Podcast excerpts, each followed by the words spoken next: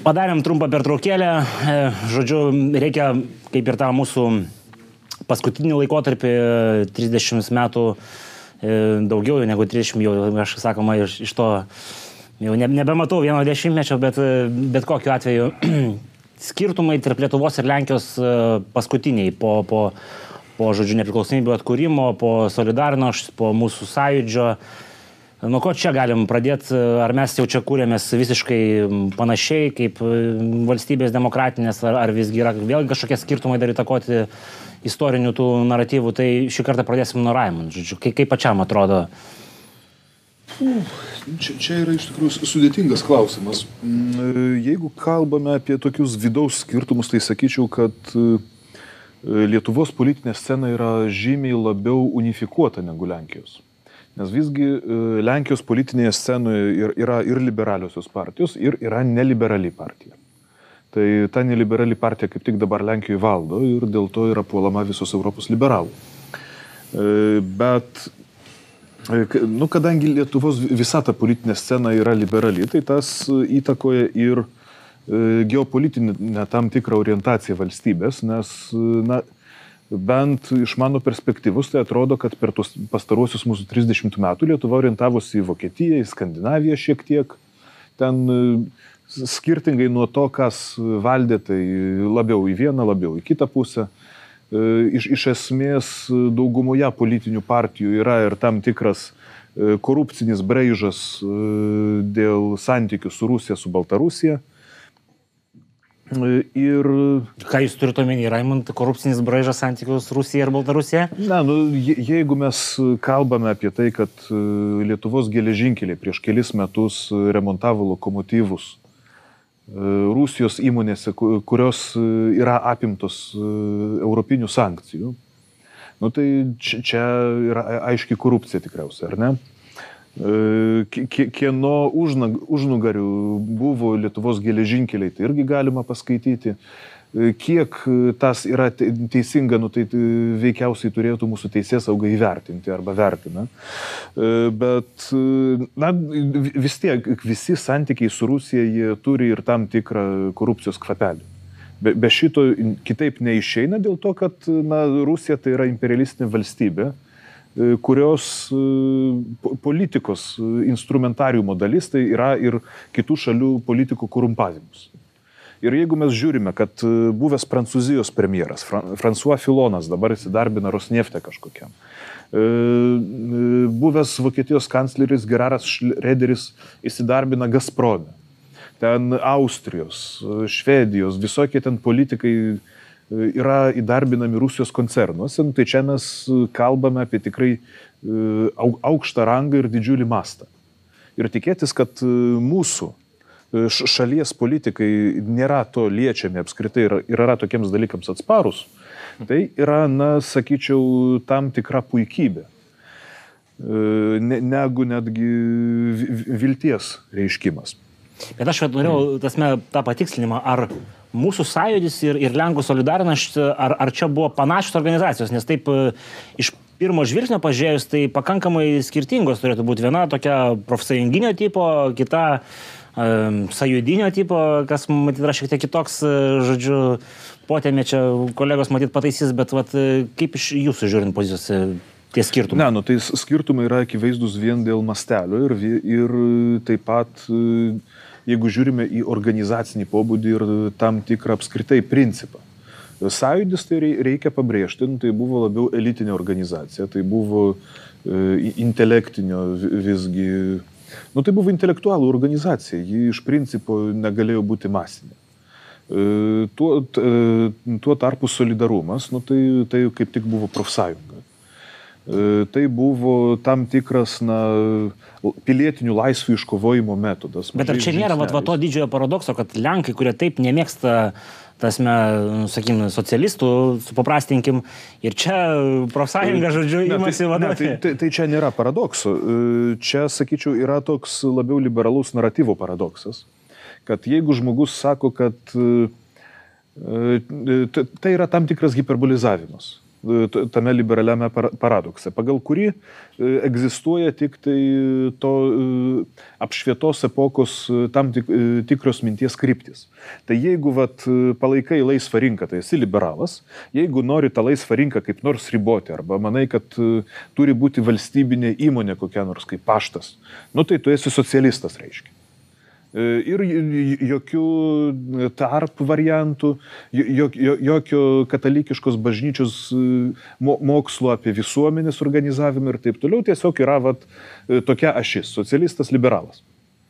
Tai visgi profsąjungos tai yra tam tikras organizacijos tipas, kuris išeina už to mąstymo ribų ir solidarność tai nebuvo socialistinio tam tikro mąstymo profsąjunga, bet E, organizacija, kuri tuomet atliepia visuomenės poreikius, e, e, socialinius poreikius.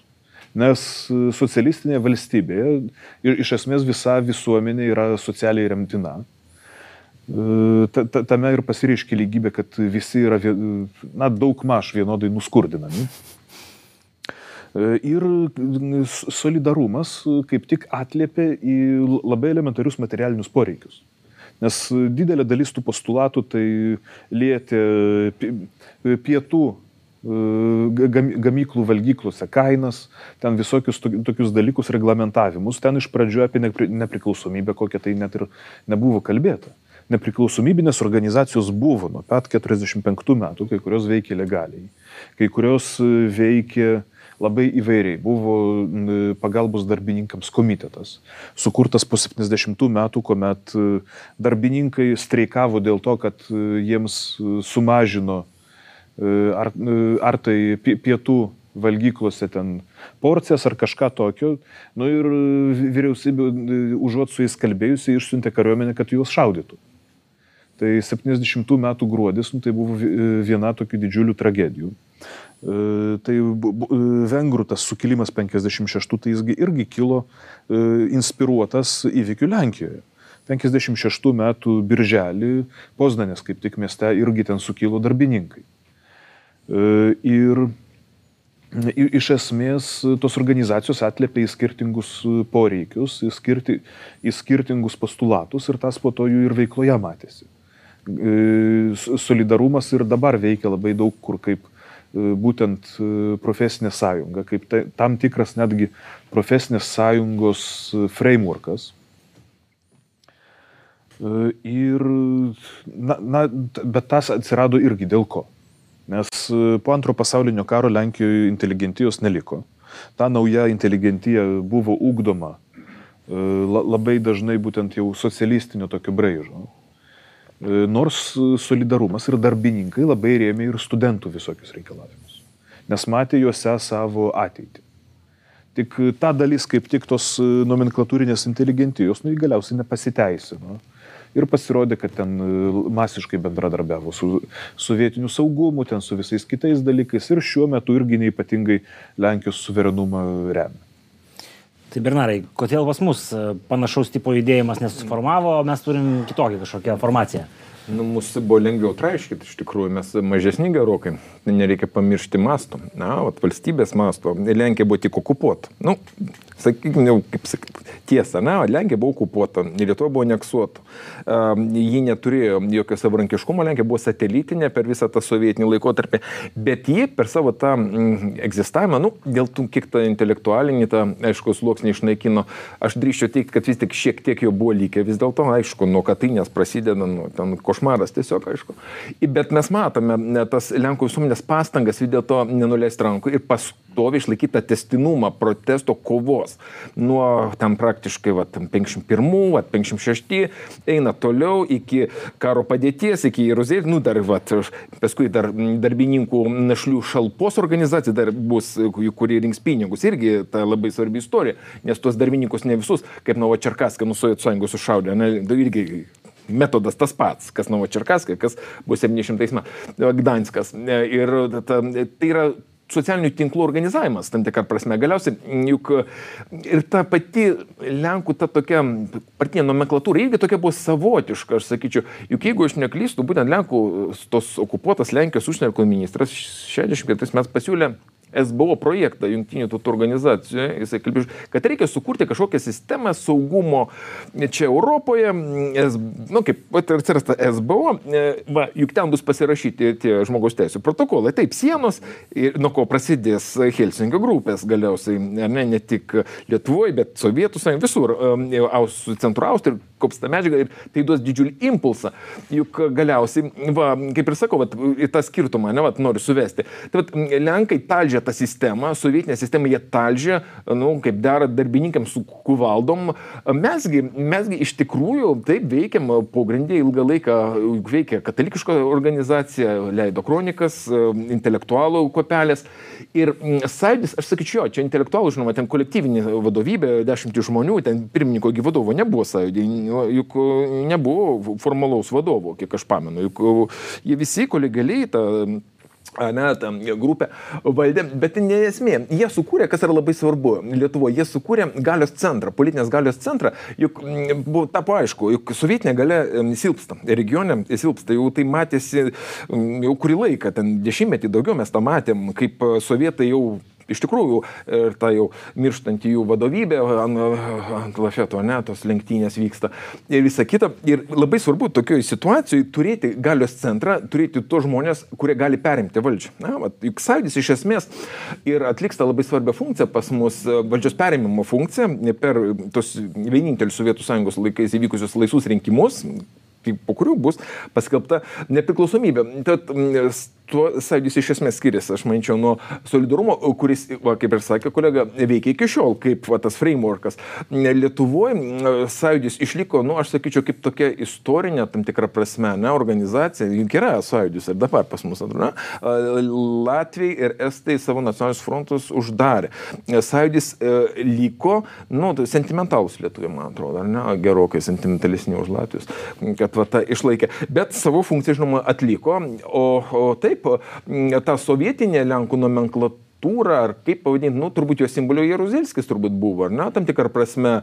Ir e, jis e, taip, jis toks irgi savočiškas tos grupės herojus, jis įvedė pats karo padėtį, neleido sovietinį intervenciją, nes sovietų sėdėjo ant lagaminų ir ruošė tiesiog operaciją, jau in, invaziją į, į Lenkiją ir tai galėjo kainuoti labai daug, kaip vertinti tokią asmenybę irgi, aš nežinau, tai yra labai kontroversiški dalykai.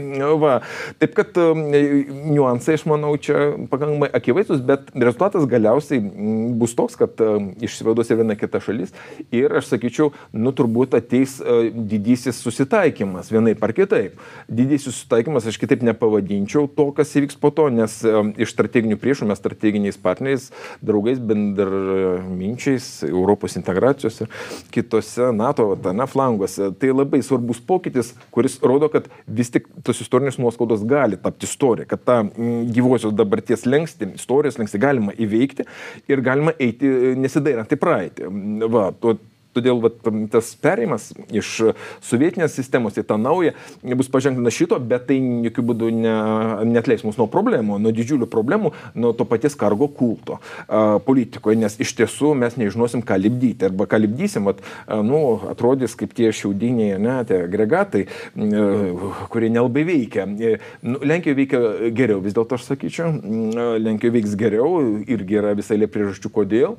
Ir galbūt ir testinumas, tas istorinės sąmonės sąmonės tam tikrą prasme ir tradicija ir daugelis kitų momentų. Galiausiai tas pats, kaip ir sakau, sovietinio laikotarpio ne, kontekstas, apie kurį va, truputėlį va, dabar užsiminiau, nes nebuvo taip nukirsta žiauriai kaip Lietuvoje. Lietuvoje, tai žinoma, sovietai, aš sakyčiau, paliko gerokai ir ten, žinoma, labai gilę traumą, bet čia gilesnė trauma vis dėlto mano manimu. Ir nemažai dalimi dėl to, nuo ko aš ir pradėjau, kad mes gerokai mažesni ir, aišku, tie nuostoliai gerokai skaudesni.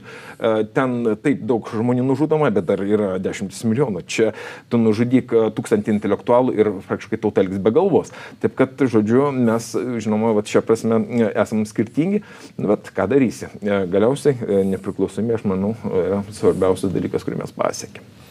Tai valdai, kaip jums atrodo, kaip karo istorikui, šitie, šitie dariniai, informacijos, mūsų išsilaisvinimai, kur čia esminis skirtumas?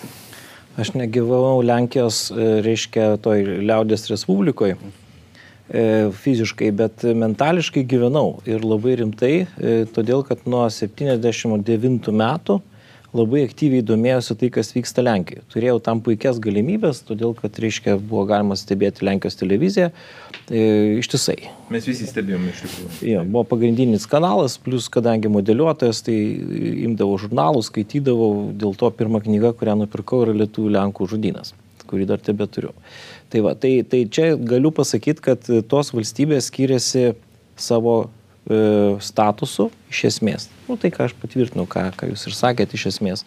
Tai yra Lenkija buvo valstybė, kuri turėjo savo kariuomenę, kuri turėjo savo vėliavas, kuri turėjo savo daug, daug dalykų, to, ko mes neturėjom. Na, tai palyginsim, reiškia, Lenkai tarnavo Lenkijos kariuomeniai, kokie ten bebūtų, o lietuviai tarnavo Sovietų sąjungos kariuomeniai visoji Sovietų sąjunga ir, ir, ir reiškia, į ten Maskvą kažkiek tų Lenkų važiuodavo, bet e, mūsiškiai važiuodavo dažnai, mokėsi tenai ir taip toliau, ir taip toliau. Tai mes buvom Sovietų sąjungos dalis, o jie buvo, na, socialistinė lagerio valstybė. Tai dėl to, reiškia, tas yra labai, labai didelis skirtumas.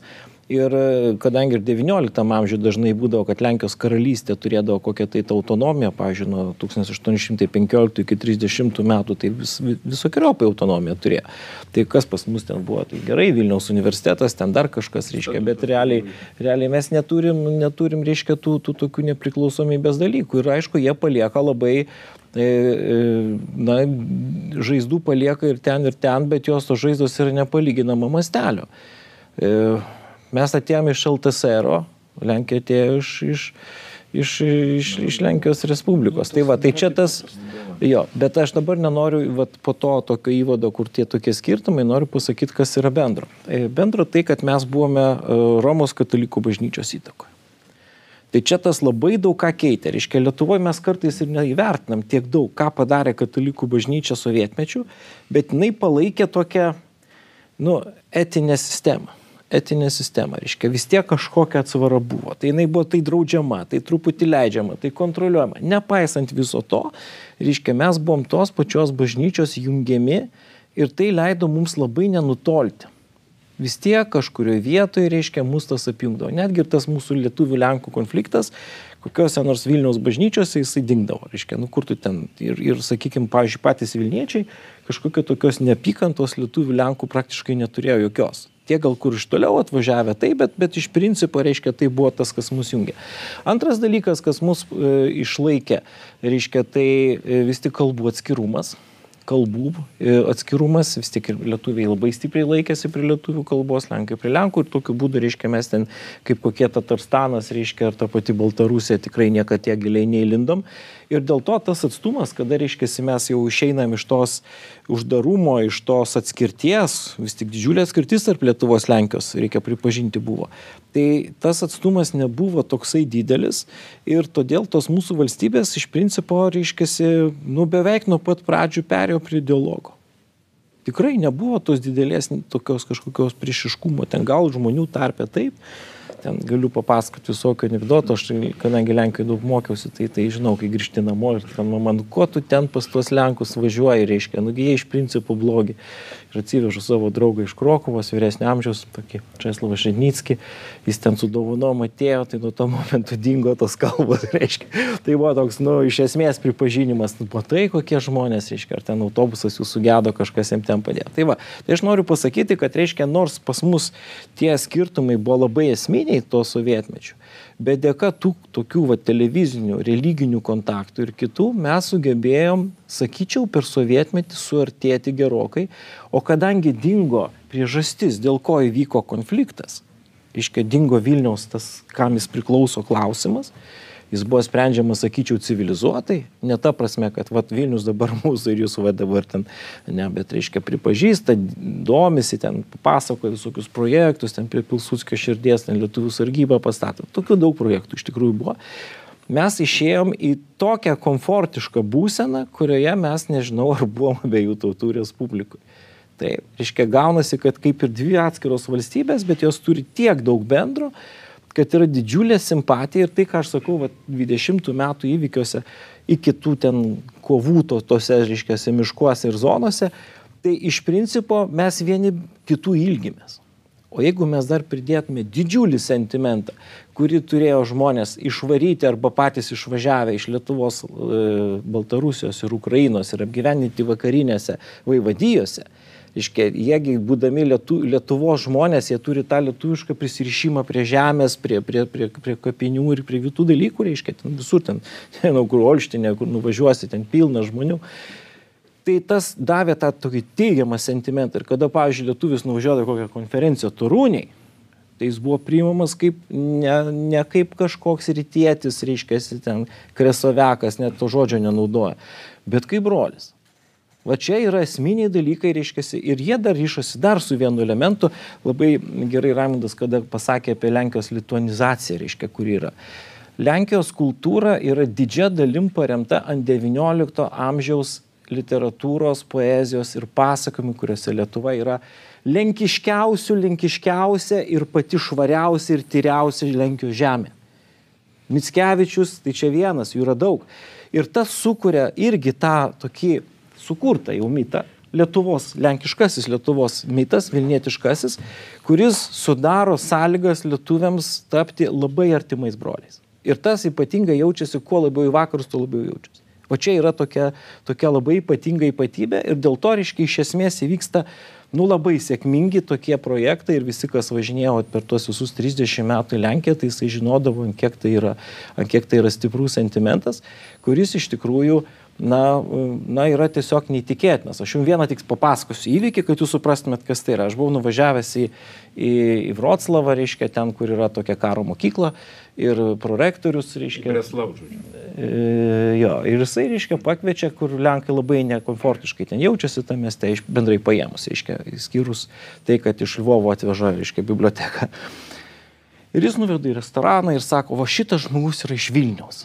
Tai tas portie, reiškia, meta paltus, prieina, paima abiem rankom ir sako, kaip ten mūsiškiai gyvena. Reiškia, tai va, tai čia šitas sentimentas, kurį reikia suvokti, nors aš ne Vilnietis, Kaunietis, bet reiškia, tu supranti, ant kiek yra didžiulis sentimentas susijęs su šito žmonių persikelimu ir ant to sentimento gali padaryti, nu, nepaprastus dalykus. Tai yra pasitikėjimas, tai yra bendradarbiavimas, tai yra kiti dalykai ir mes šiandien turime, nu, ypatingai komfortišką situaciją ir pagarba. Ir ten ir, ir kariuomenių bendradarbiavimai, kurie dabar vyksta. Mes esam tiesiog klėstėjimo fazėje. Bet aš ką siūlau, kad šitoj vietoj, ko mums dar trūksta, kada yra sunkus klausimai, nenutilėti juos, o apie tai kalbėti šiandien, va taip, kaip mes šiandien kalbam, tai yra, va dėl to, kad buvo tas. Va, tai, ir tada ateina santarvė. Ir netgi šitam krašte, kuris vadinasi Palenkė, arba, reiškia, Lenkijos Lietuva, nu, taip ir vadinama, reiškia, šita, šitas mūsų, mūsų kraštas, Augustavo visas kraštas, kur ten tų tokių, ne, na, sakykime, nepasitenkinimų ir nuoskaudų yra žymiai daugiau, galima jūsti, Bilstokas, reiškia, vat, visas šitas kraštas. Jeigu tu pradedi kalbėti iš esmės, nebijodamas kažko tai pasakyti, bet su pagarba, gali prieiti prie fantastiškų rezultatų. Man teko būti tokiuose konferencijose, pavyzdžiui, na, e, suvalkose, sakykime, suvalkų muziejui, kur konferencija skirta tam, kad, reiškia, po šito kraštų žemimo Pilsotskis padarė balių, va tam pastate, reiškia. Ir čia tokia proga, ir jie pasikviečia lietuvį šiais laikais, po šimto metų, ir šneka, ir, ir, ir, ir visi labai patenkinti ir taip toliau. Tai čia yra civilizuotas požiūris į praeitį, kuris turi būti sprendžiamas per dialogą, per diskusijas, per šventes ir viskas bus gerai. Nu ką, tai aš manau, kad e, čia būtų galima dar paimti kokį nors skaudulį ir, ir juo užbaigti epizodą, bet kažkaip po valandą šitas kalba. galima paimti, juk nepamirškim Ukrainos ir Baltarus, čia labai svarbi istorija. Okay, duosim, duosim per, jo, jo, jį pervedė, aš sakyčiau, va, tą tokį, nu, sakyčiau, mūsų iš tikrųjų tokį tam tikrą prasme romantinį santykių etapą į politinę dimensiją, a, politinį lygmenį. Juk paminam, kas buvo po pirmojo Maidano.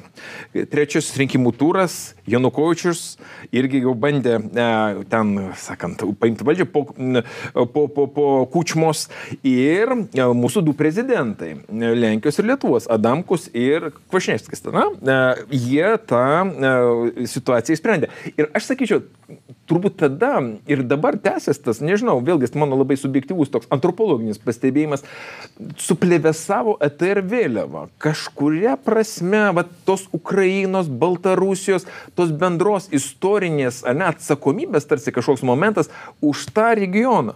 Ir viskas tas dar atsigula ant tos geopolitinės įtampos dabartinėje Europoje tarp Rusijos ir vakarų. Ne? Kaip ten pasakė klasikas, e, Rusija be Ukrainos ne imperija. Ne? E, e, žodžiu, ir ta kova dėl Ukrainos, aš sakyčiau, irgi dėl Baltarusijos tame tarpe, vat, mūsų tam suartim suteikė tą tokį politinį impulsą. Galiausiai tas, vat, irgi, vat, dar norėjau dar reaguoti tą, vat, ne, konservatyvizmą, vat, pamiršau dar, vat, kur partija, bet juk dabar čia irgi juk buvo mm, susitikimas netaip seniai prieš mėnesį, turbūt, ne, tų euroskeptikų europinių, ne, ir dėl to santykio su Rusija. Ten buvo ta Lipen, ten vengrų buvo atvažiavę atstovai ir Bulenkų. Ir jie nesusitarė. Kodėl nesusitarė? To, kad Lipen ir tie vakariečiai e, euroskeptikai, jie reikia su Rusija, ne, vat, kaip, kaip Šrioderis čia, žodžiu, draugauti ten, mums palaikyti ryšius, jie ir mūsų padės, tam Putinas duos pinigų, o, o, o Lenkai ne, ne, nepadės. Jie, jie puikiai supranta, kas yra Rusija. Ir, nors jie yra skeptiški Briuselio atžvilgiu, bet čia Ukrainos atvejais, mūsų bendros istorinės atminties momentai, jie tampa to labai svarbių barjerų, ne, vat, leidžiančių įjungti saugiklį. Ir, nu, nu norėčiau palinkėti mums, ne, būti to saugiklio Europai, apsaugant tame tarpe, vat, iškeliant ir vėliavą, tą, tą ir tokia visai sumoderninta, absoliučiai tokia vos įjuntama. Na, va, tam flange, kadangi tai yra mūsų bendro saugumo iššūkis ir naujas projektas. Mes susimovėm tarpukarį, taip, tiesą sakant, susimovėm. O, ir noriu tikėti, kad daugiau nekartuosim tų klaidų ir Ukraina taps europietiška, normalia, draugiška mums ne, šalimi. E, ir mes kartu iškelsime ne, tam ragus su taurių gėrimų už mūsų bendrą istoriją. Puikų pavyzdį dabar. Va. Duodam, duodam dar, dar šitągi Raimondui paskutinį žodį, nes tada jau visi žodžiai šiek tiek pasakė, kur pačiam dar matosi kažkokį vektorių. Nu, čia iš tikrųjų sunku nesutikti su tuo, ką čia, čia kalbėjote. Mums Ukraina duoda dabar puikų pavyzdį, kaip galima pasipriešinti Rusijai, nors ukrainiečiai irgi pastebi, kad naratyvinio pasipriešinimo nėra. Pas, ir pas mus, ir Lenkijoje lietuviai, lenkai, baltarusiai, ukrainiečiai irgi labai sparčiai rusifikuojasi. Dėl e, rusiškų medijų e, čia buvimo, dėl rusų kalbos akceptavimo. Man yra nesuprantama, kaip Vilniuje, net ir nuėję į savitarnos kasą ar dar kur nors bankomatą, galima pasirinkti rusų kalbą, bet negalima pasirinkti latvių ar lietuvių kalbos. Ar baltarusių. Tai jeigu jau čia kalbame apie kaimininės kalbas, kurios visgi ir istoriškai yra svarbios čia. E, tai kitas dalykas, grįžtant prie tų skirtumų tarp mūsų ir Lenkijos, tai reikia prisiminti, kad atgavus nepriklausomybę 1990-aisiais, Lenkija pagal ekonomikos išsivystimą buvo po Ukrainos. Prieš antrą pasaulinį karą Lenkija tai buvo ketvirta Europos ekonomika. E, ir nuo to visgi tie skirtumai visgi buvo ir tame, kad e, ir prieš pirmąjį pasaulinį karą, tuomet, kuomet lyg ir egzistavo tokia butaforinė Lenkija, bet Lenkija su simboliais ir kaip Liaudės Respublika po antro pasaulinio karo vėl rusų okupuota, tai visgi reikia prisiminti, kad viena vertus tie simboliai buvo, bet kita vertus būtent Lietuvoje, kuri buvo įjungta jau tiesiogiai į imperiją, E, labai daug e, tokių naikinamųjų procesų vyko žymiai švelniau, dėl to, kad jiems e, čia mes jau buvome kaip ir jų dalis, nu tai kas gali nutikti, tai jie taip ir ignoravo. O Lenkija, kaip visgi dar atskira dalis, buvo žymiai labiau koncentruojamas dėmesys į destrukcinius procesus. Tai pavyzdžiui, Lietuva buvo žymiai mažiau apiplėšinėjama E, sovietinės okupacijos laikotarpiu negu Lenkijos liaudės Respublika. Buvo toks posakis, mes duosim rusams savo anglis, o mainais jie paims dar mūsų vagonus. E, tai e, O dėl būtent to, kad tie santykiai po 90-ųjų metų labai sparčiai gerėjo, tai reikia žiūrėti ir į tai, kad Lenkijos opozicijos organizacijos nuo antro pasaulinio karo visų tų E, tokių intelektinių tinklų kūrimas ir taip toliau. Tai ten dalyvavo Lenkai iš Lietuvos. Atašė Lenkijos Lietuvoje, karo atašė, kuris e, dalyvavo kuriant Lenkijos ir Lietuvos bendrą e, kariuomenės batalioną, ant kurio iš esmės Lietuva dalinai ir įvažiavo į NATO. Nu tai jis e, gimęs Vilniuje, pulkininkas Firevičius, man atrodo, e, aš nežinau, ar jis gyvas dar, bet ir, ir čia grinai tas sentimentas suveikė, kad buvo mąstoma, kaip visgi Lietuvą irgi įtraukti į NATO. Tuo metu, kai Lenkija jau buvo NATO. Ir Bet kita vertus, labai teisingai pasakėte, kad negalima nutilėti skaudulių. Prieš dešimt metų tylėjome apie skaudulius, nu, tai iš geriausių santykių istorijoje tie santykiai patapo blogiausia istorija, kol vėl skvernelis nepadarė geriausiais. Galbūt tas toks šokinėjimas... Raimond, šiandien labai daug kartų paminėjai skvernelį, gali nesuprasti auditoriją.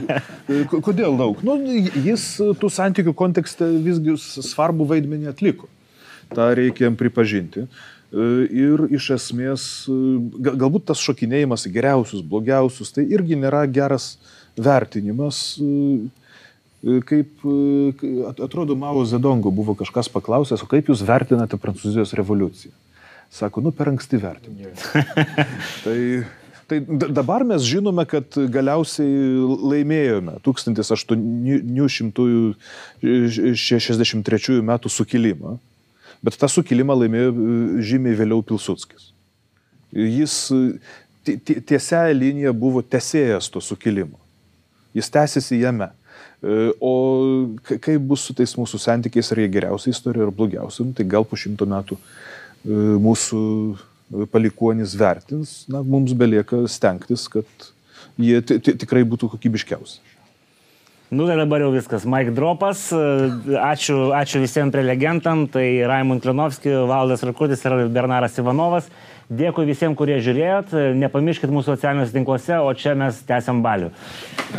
Obrigado.